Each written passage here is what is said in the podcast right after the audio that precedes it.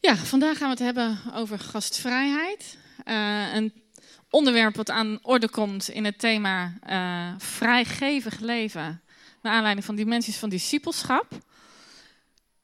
Gastvrijheid in het thema van vrijgevig leven. Dus gastvrijheid is een vorm van vrijgevigheid. En toen we de planning aan het maken waren en ik uh, het onderwerp gastvrijheid dat ik mijn naam daarbij zag staan, toebedeeld had gekregen, dacht ik, uh, ja, wat moet ik daar nou over zeggen? Het is toch gewoon iets wat je moet doen?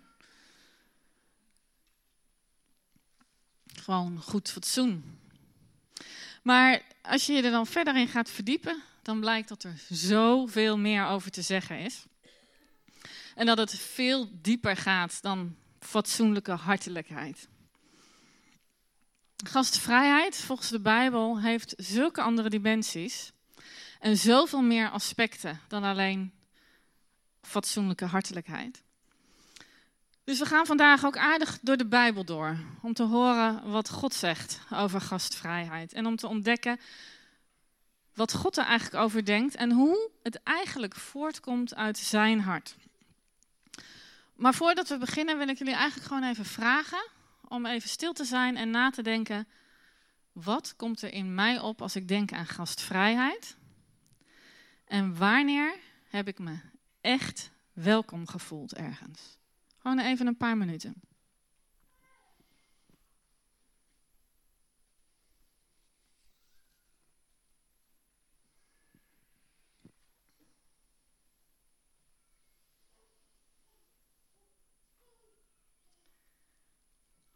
En ik hoop dat mijn verhaal vandaag en jullie gesprekken van de week in de huisgroepen, dat je nieuwe ontdekkingen doet over gastvrijheid en over Gods hart daarin. Want ja, het gaat aan de ene kant over mensen welkom heten. En het gaat over sociale beleefdheid en gedrag wat we van elkaar verwachten thuis, maar ook hier in de gemeente. En wij vinden het belangrijk dat nieuwe mensen zich thuis gaan voelen in ons midden. Dat ze zich welkom weten. En wij willen met elkaar ook gastvrijheid leren vormgeven. En een van de manieren waarop we dat zijn gaan doen en, nieuwe vormen aan het proberen zijn, is het meeting point, zoals net ook al, Renske net ook al zei. een plek waar je even met iemand kennis kan maken, een praatje kan maken, je vragen kwijt kan en waar even een eerste ontmoeting plaats kan vinden. Omdat wij je willen laten weten dat je hier welkom bent. En om even nog weer terug te halen wat de visie achter het welkoms, uh, achter het meeting point was, wil ik ook Suzanne even vragen om naar voren te komen.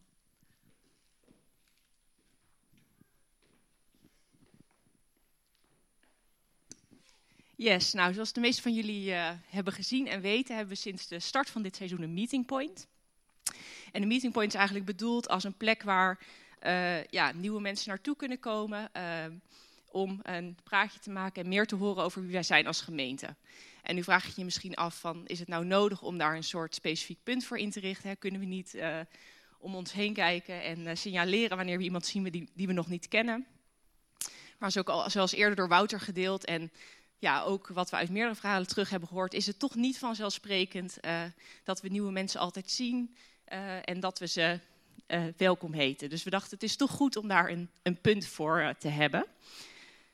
Um, nou, misschien dan, hoe werkt het praktisch? Hè? Want we willen niet dat er een soort rooster is of dat er een planning is wie wanneer bij de meeting point staat. Maar we willen eigenlijk dat we, als je ochtends naar de gemeente komt en je denkt, hé, hey, ik wil nog meer vandaag dan andere dagen omzien naar mensen die nieuw zijn in ons midden. Uh, dan kan je een keycord omdoen. Uh, en dat zegt eigenlijk niks meer dan: hey, ik uh, ben vandaag extra alert om te zien of ik gezichten zie die ik nog niet eerder of nog niet zo vaak heb gezien. En um, er kan misschien soms schroom zijn, hè, dat je niet helemaal zeker weet of iemand al vaker is gekomen en dat je twijfelt van: hé, hey, kan ik de vraag stellen? Um, maar je kan natuurlijk altijd gewoon beginnen met: hey, we hebben elkaar nog niet eerder gesproken. Of hey, hoe lang kom je eigenlijk al in de gemeente? Want het gaat natuurlijk helemaal niet om die eerste keer dat iemand hier komt. Maar het gaat erom dat we als familie naar elkaar omzien en zorgen dat iedereen zich gezien voelt als ze hier op zondag zijn geweest. Uh, nou, praktisch werkt het dus dat je altijd allemaal mee kan doen. Hè? En dat we je aanmoedigen om uh, een paar keer per jaar, want als we het met z'n allen doen, is het niet meer, er specifiek voor te kiezen om je te richten op nieuwe mensen. Nou, en als je nou iemand hebt gesproken die nog niet eerder is geweest, hebben we een leuk klein welkomstcadeautje. Dat is een stukje fudge van onze eigen normen. Um, en daarnaast um, ja, kan je aanbieden om mensen hun e-mailadres te noteren, zodat we ze de welkomstzwee kunnen toesturen met meer informatie over onze gemeente. En dat kan je gewoon op een briefje achterlaten op de tafel. En dan zorgt het serviceteam dat dat weer bij ons terechtkomt. Even kijken. Ja, en het, het, gaat dus niet zozeer ons alleen omdat er oog is voor nieuwe mensen, wel in het specifiek, maar uiteindelijk hopen we dat het bijdraagt dat we nog meer een cultuur krijgen waarin we gericht zijn op de ander. En waarin we dus um, niet altijd afstappen op de persoon die we al kennen, maar dat we kijken van, hé, hey, wie van de Vineyard-familie ken ik nog niet zo goed? En vind ik het leuk om uh, vandaag beter te leren kennen.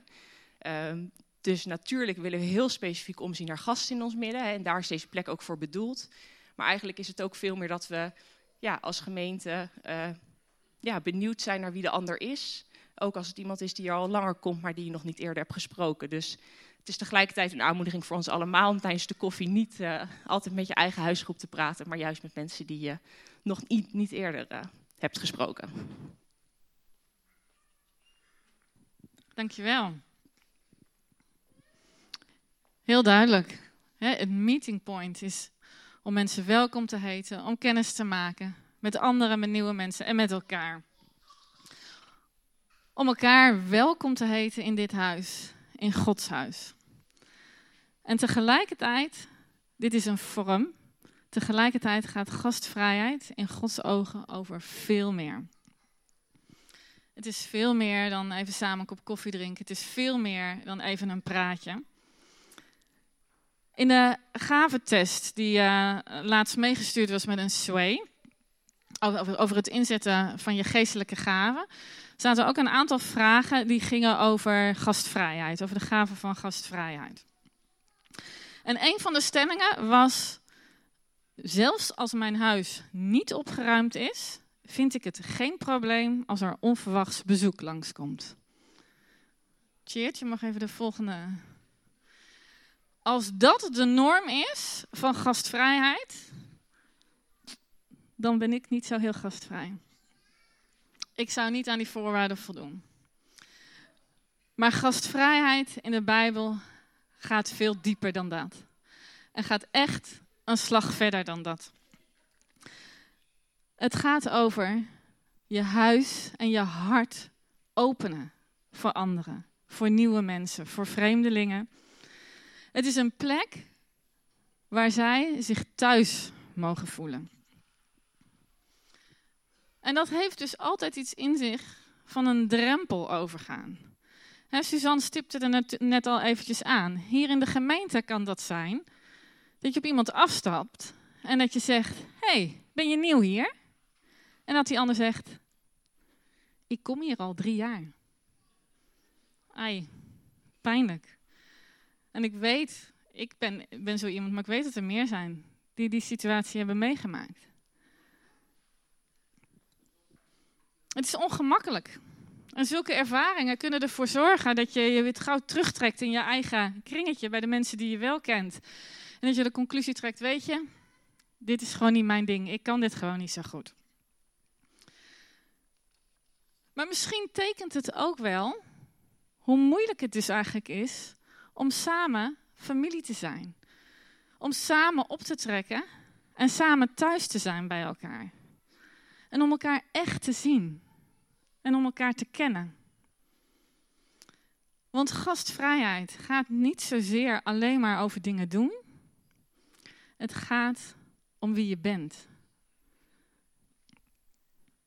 Het gaat over elkaar zien en elkaar kennen. En op die manier is gastvrijheid helemaal niet zo heel eenvoudig. En in Genesis staat er een heel mooi verhaal over gastvrijheid.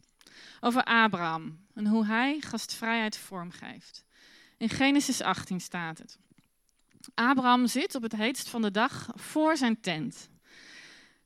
En dan staat er: Toen hij opkeek, zag hij even verderop plotseling drie mannen staan.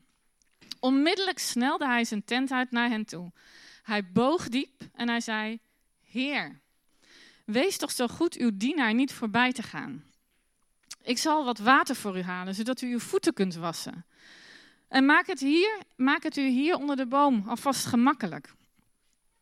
Ik zal u ook iets te eten brengen, zodat u weer op krachten kunt komen voordat u verder gaat. Daarvoor bent u immers bij uw dienstknecht langsgekomen. En ze antwoordden: Wij nemen uw uitnodiging aan. Abraham haastte zich naar zijn tent, naar Sarah. Vlug, zei hij. Drie schepel fijnmeel, maak deeg en bak brood. Daarna snelde hij naar zijn kudde, zocht een mooi kalf uit dat er mals uitzag en gaf dat aan de knecht, die het onmiddellijk klaarmaakte. Hij haalde boter en melk, nam het gebraden kalf en zette alles aan zijn gasten voor.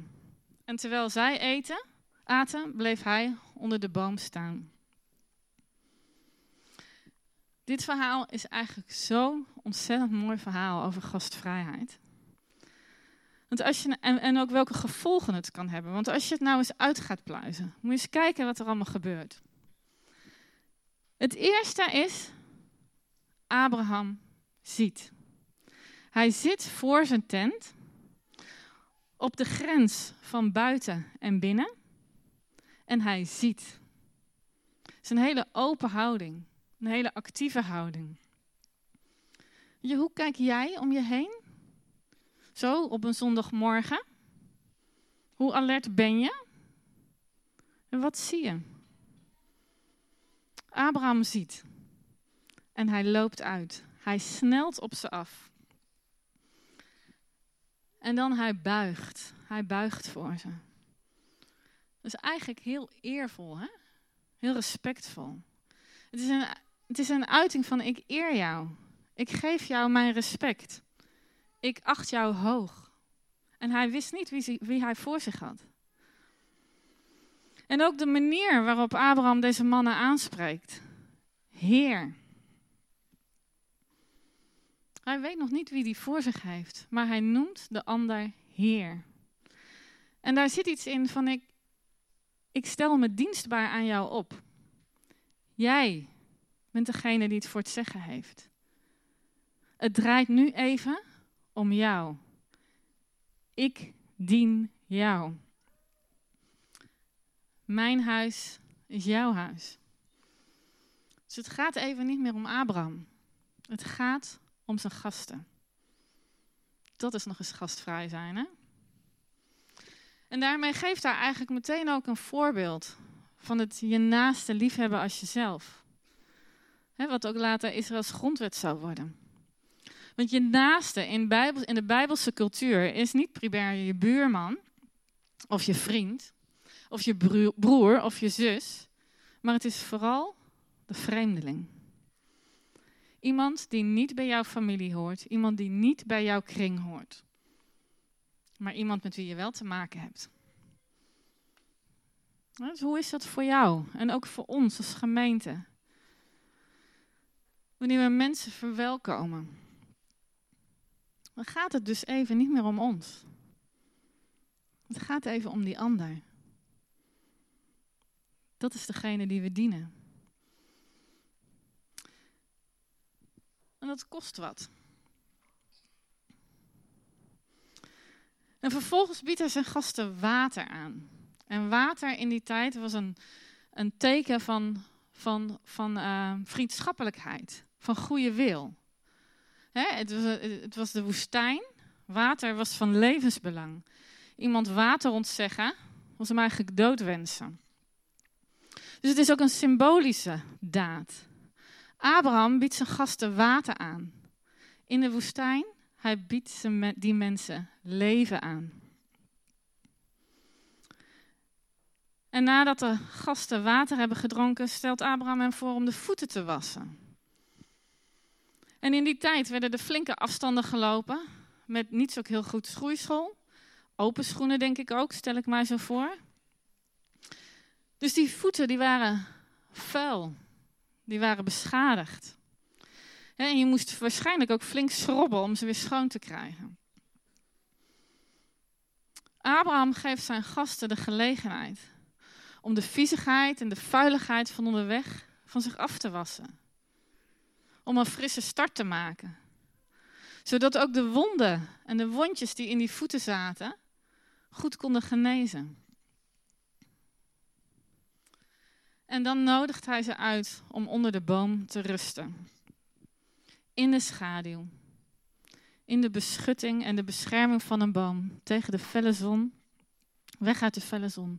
En hij haalt eten voor ze. Eten, zodat ze op krachten kunnen komen. Zodat ze verzadigd kunnen raken. En zoals het gewoonte was, hij bood ze het beste van zijn huis aan. Wat een enorm voorbeeld van gastvrijheid, hè? Het is, een, het is een, een, een gastvrijheid waarbij Abraham zijn huis en zijn hart, zijn leven openstelt voor de toevallige voorbijganger. En hij zegent hen met het goede van zijn huis. En zo krijgt, zo krijgt gastvrijheid een hele andere dimensie. En hij zet zijn hart en zijn leven, zijn huis open voor deze mensen zonder er iets voor terug te verwachten. En wat hij terugkrijgt is een belofte. Want voordat deze mannen weggaan, zeggen ze: Over een jaar zullen wij weer hier zijn. En dan heeft je vrouw een zoon. De zoon op wie die al zo lang wachtte. Abrahams gastvrijheid bracht hem een zegen die hij eigenlijk niet meer verwachtte. In het Nieuwe Testament wordt, het woord, wordt voor het woord gastvrijheid het woord philoxenia gebruikt. Philoxenia. En dat betekent letterlijk liefde voor de vreemdeling. En dat is ook dus niet een daad, het is een hartsgesteldheid. Liefde is een hartsgesteldheid. Liefde voor de vreemdeling. En op verschillende plekken door de Bijbel heen, door het Nieuwe Testament heen, worden we opgeroepen om gastvrij te zijn. En in de boekjes van DVD, eh, de, de, de boekjes die jullie op de kring gebruiken, staan verschillende teksten beschreven. Eentje, 1 Petrus 4, vers 9, daar staat zelfs: Wees gastvrij zonder te klagen. En dat geeft al aan dat het niet altijd makkelijk is. Maar waarom is het voor God nou zo belangrijk? En wat, wat, wat wil Hij nou zeggen door die gastvrijheid heen? Waarom is het iets wat in Zijn orde zo'n grote plek heeft? Nou, daarvoor moet je in het Oude Testament beginnen. En misschien de meest duidelijke tekst die daarover gaat, over gastvrijheid, over liefde voor de vreemdeling, is in Leviticus 19, vers 33 en 34. Daar spreekt hij het volk toe. Iemand die als vreemdeling in jullie land verblijft, mag je niet onderdrukken. Behandel vreemdelingen die bij jullie wonen als geboren Israëlieten. Heb hen lief als jezelf. Want jullie zijn zelf vreemdelingen geweest in Egypte. Ik ben de Heer, jullie God. He, weer een verwijzing naar het liefhebben van de ander. Het liefhebben van je naaste. Behandel vreemdelingen als geboren Israëlieten. Behandel ze als deel van je eigen volk. Behandel ze net als je broers en je zussen. Maak geen onderscheid en, onderscheid en neem ze volledig op in je gemeenschap. Wees als een thuis voor hen. En laat ze delen in de zegen van jullie volk. Welke motivatie geeft God hier om gastvrij te zijn? En je zou kunnen zeggen, jullie zijn zelf vreemdelingen geweest, dus je weet, je weet hoe het voelt. Maar dat omvat het niet helemaal. De motivatie die God hier geeft, die gaat verder dan dat. Voor het volk Israël kwam de opdracht om, om gastvrij te zijn rechtstreeks uit het hart van God en van wie Hij is. Ik ben jullie God. Ik ben de Heer jullie God. Ik ben de Heer jullie God. Ik heb jullie bevrijd uit de slavernij. Ik heb jullie hierheen gebracht. Ik heb voor jullie een thuis gemaakt. Jullie zijn deel geworden van mijn gezin, van mijn verbond. Ik heb jullie opgenomen in mijn liefde. Ik ben jullie God. Dus daarom heb de vreemdeling lief. Weerspiegel mijn waarde. Weerspiegel mijn hart. En in Deuteronomium 10, vers 17 tot en met 19 staat: De Heer uw God is de grote, de machtige, de ontzagwekkende God. Hij handelt zonder aanzien des persoons en is onomkoopbaar. Hij verschaft weduwen en wezen recht, neemt vreemdelingen in bescherming en voorziet hen van voedsel en kleding. God, de machtige en ontzagwekkende God, heeft oog voor de vreemdelingen, voor de wees, voor de weduwe, voor hen die kwetsbaar zijn. Hij neemt ze in bescherming. Hij neemt ze op in zijn kring. Hij opent zijn hart voor hen. Mensen die er niet helemaal bij hoorden. Mensen met een verleden. Mensen zonder thuis en misschien ook wel letterlijk ver van huis. God ziet ze. En hij opent zijn hart. En hij geeft de opdracht. Niet alleen om ze eten te geven en drinken te geven, maar om ze lief te hebben en deel te laten zijn van het volk. En van de zegeningen waar het volk van mag genieten. Bescherming, eten, drinken, kleding. En dat kon in die tijd verschil maken tussen leven en dood. En God opent zijn hart voor mensen zonder onderscheid. En hij geeft ze de verzorging en de liefde die ze nodig hebben en die hen toekomt. Hij geeft ze vergeving. Hij verzoent. En hij neemt ze volledig op. En dat kom je eigenlijk door de hele Bijbel tegen. Het hart van God is zo gastvrij en zo vol liefde voor de vreemdeling. En wat je bij God ziet, zie je bij Jezus ook. Hij trok de mensen dichterbij, met wie, de mensen waar niemand mee gezien wilde worden.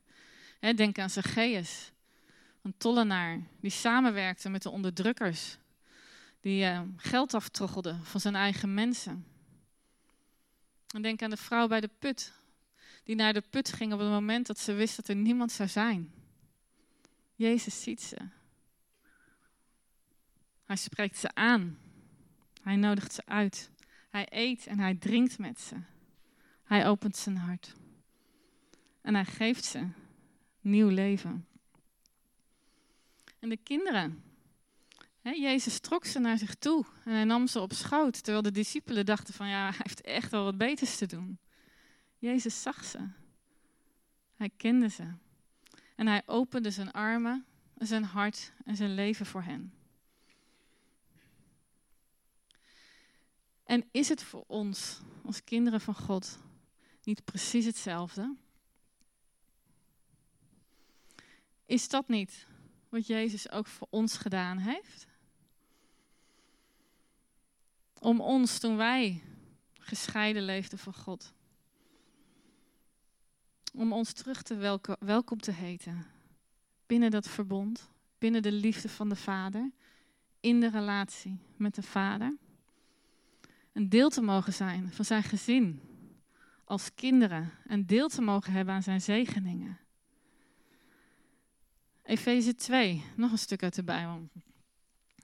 Vers 11 tot en met 13 en vers 19. Bedenk daarom dat u, u die eigenlijk door uw afkomst heidenen bent en onbesnedenen genoemd wordt, door hen die door mensenhanden besneden zijn, bedenk dat u destijds niet verbonden was met Christus. Er was een tijd dat wij niet verbonden waren met Christus. We hadden geen deel aan het burgerschap van Israël. En we waren niet betrokken bij de verbondsbesluiten en de beloften die daarbij hoorden. U leefde in een wereld zonder hoop en zonder God. Maar nu bent u, die eens ver weg was, in Christus dichtbij gekomen. Door zijn bloed. En dan de belangrijke, belangrijkste tekst. Zo bent u dus geen vreemdelingen of gasten meer, maar burgers, net als de heiligen, en huisgenoten van God. God heeft ons zijn liefde binnengetrokken. Zegt dat eigenlijk niet precies hetzelfde? Ik ben de Heer, jullie God.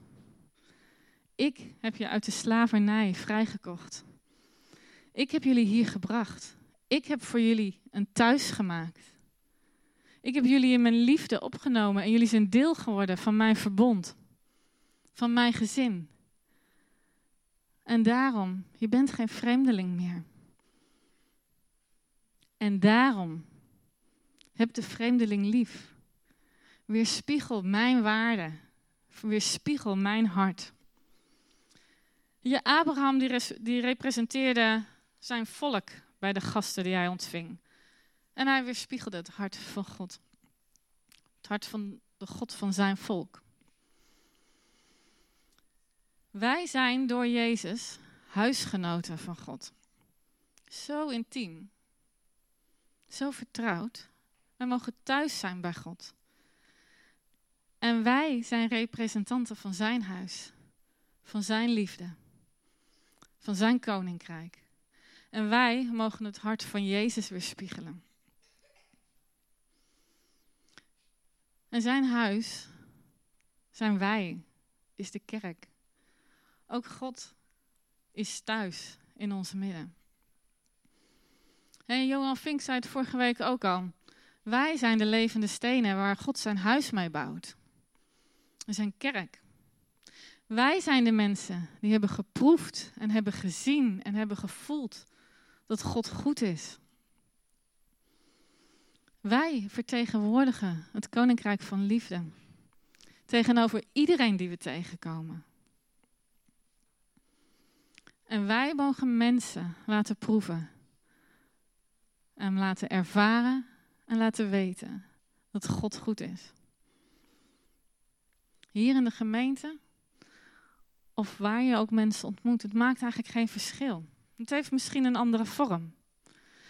Maar de ingrediënten mogen hetzelfde zijn. Zie. Nodig uit. Deel van het eten en van het drinken dat je hebt. Of het nou in letterlijke zin is of in figuurlijke zin. Het gaat niet om de grote dingen. En het gaat niet om de vorm. Het gaat om je hart. En ieder woord en iedere daad dat, komt, of dat voortkomt uit het hart van Jezus door jou heen. En het kan zijn dat jij de enige bent die Jezus weerspiegelt in het leven van die ander. Het kan zijn dat jij de enige bent die het koninkrijk representeert tegenover die ander. En het hoeven geen grote dingen te zijn. Toen ik uh, nog als verpleegkundige werkte, werkte ik op de verloskamers, dus bij de bevallingen. En wat ik daar deed als een baby geboren was, hè, dan hoorde je de naam, Renske. En dan zei ik, hey Renske, welkom. Je bent welkom op deze wereld. We maken ruimte voor je. Je ouders maken ruimte voor je. Je bent welkom. Lijkt misschien heel klein, maar het kwam uit het hart van Jezus. De God die leven is en die leven brengt. Weet je, in de laatste jaren zijn het vooral de vriendjes en de vriendinnetjes van onze kinderen geweest. Die aan tafel schoven. En die uh, ik heel erg bewust heb proberen een welkom thuis te geven. Ook al hadden ze, som, uh, hadden, hadden ze dat zelf thuis ook hoor. Maar ik wilde er zijn voor die kinderen. Ik wilde met ze praten, ik wilde met ze kletsen. En dan vroeg ik, hey, hoe is het ook weer met je zieke vader? hey, en die poes, is jullie poes alweer terug? De poes die kwijt was. Ik wil ze laten zien dat ik ze zie, dat ik ze ken. En het lijkt misschien heel klein, maar het, voor mij was het een daad van liefde. Ik zie jou. Ik ken jou. Het kunnen kleine dingen zijn. Een blik, een vriendelijk woord. Ik zie aan onze kinderen ook hoe ontzettend goed het hen doet als ze hier in de dienst aangesproken worden. Hé, hey, ik word gezien. Kennelijk hoor ik hierbij. Zij kennen mij. En het verlangen van de Vader, wat erachter zit, het verlangen van Jezus, is de overweldigende liefde die Hij heeft voor ieder mens. Voor de ander, die misschien nu nog een vreemdeling is, maar die Hij zo graag verwelkomt in zijn gezin, in zijn huis. En ik denk, hè, kijkend naar de afgelopen weken, de maanden die we mee hebben gemaakt met Iris, ik denk dat dat ook precies is wat zij gevoeld heeft. Zij heeft zich gekend geweten. Zij heeft ervaren dat ze gezien werd.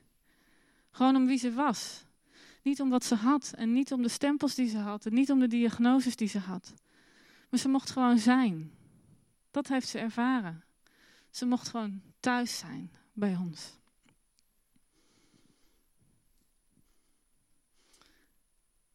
dus ik zei al, toen ik wist dat ik over gastvrijheid ging spreken, dacht ik, ik, wat moet ik daar nou over zeggen? En ik weet niet eens of ik nou wel zo ontzettend gastvrij ben. Ik hou ook wel heel erg van alleen zijn en even geen mensen om me heen.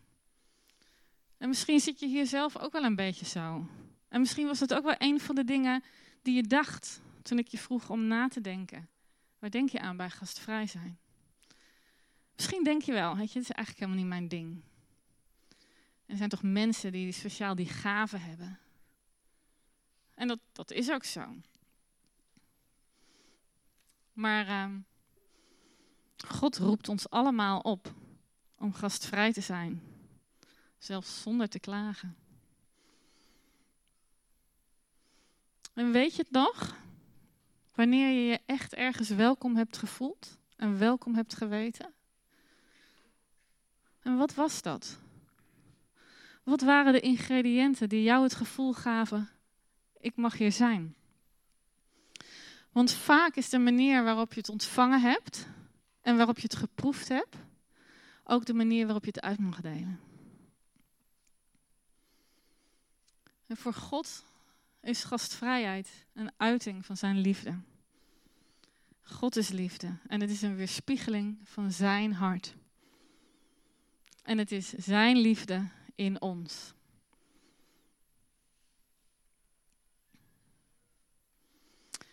Wij vertegenwoordigen Zijn koninkrijk van liefde. Zijn open armen en Zijn open hart voor de mensen om ons heen. En wij als kerk met name zijn geroepen om de mensen om ons heen, in onze leefomgeving, in ons midden hier op zondag of waar we ook samenkomen, om de ander uit te nodigen, om te komen. Om de vuiligheid en de viezigheid van hun lijf af te wassen. Om ze eten en drinken te geven. En om ze een plek te geven waar ze tot rust kunnen komen. En wij zijn geroepen om hen te laten zien en laten proeven van de goedheid van de Vader. En samen met hen te delen in de zegeningen van zijn huis. Dat is waar gastvrijheid over gaat in Gods ogen. Ik wil graag met jullie uh, bidden. Dus open je hart, open je handen. Vader God, ik dank u. Dat u een God bent die zijn leven geeft om ons te ontvangen. Dat u uw hart, uw armen en uw leven opent voor ons. En dank u wel dat wij daar volledig, volledig deel van mogen zijn. Dank u wel dat u ons heeft binnengeroepen in uw gezin. En ik bid u, kom Heilige Geest. Kom met uw liefde. Heer, ik bid u in eerste instantie voor liefde onderling. Heer, zodat wij een sterk, sterk gebouw mogen zijn van levende stenen. Waar het veilig is om tot rust te komen. Waar het veilig is om je voeten te wassen. En waar eten en drinken is. En waar, het, waar je de, de zegeningen van uw huis kan ontvangen. Heer, ik bid dat u, dat u komt met uw liefde.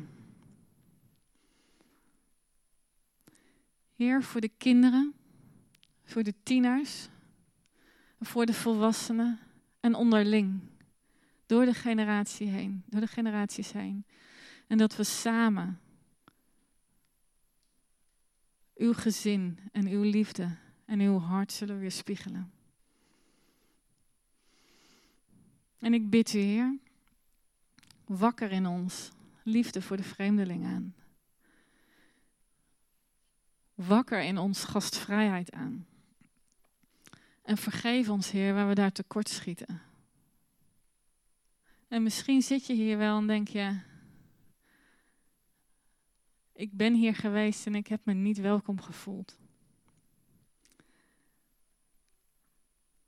En dan wil ik je vragen, vergeef ons. Vergeef ons dat we niet het hart van de Vader aan jou hebben laten zien. Of misschien zijn er andere plekken geweest waar je je niet welkom hebt gevoeld. En dan bid ik, Heer, dat u komt met uw Heilige Geest en dat u genezing geeft. Dat u uw troost en uw liefde daarover uitstort. En uw waarheid. Uw waarheid, dat u ons verwelkomt. Kom, Heer Jezus. In Jezus' naam. Amen.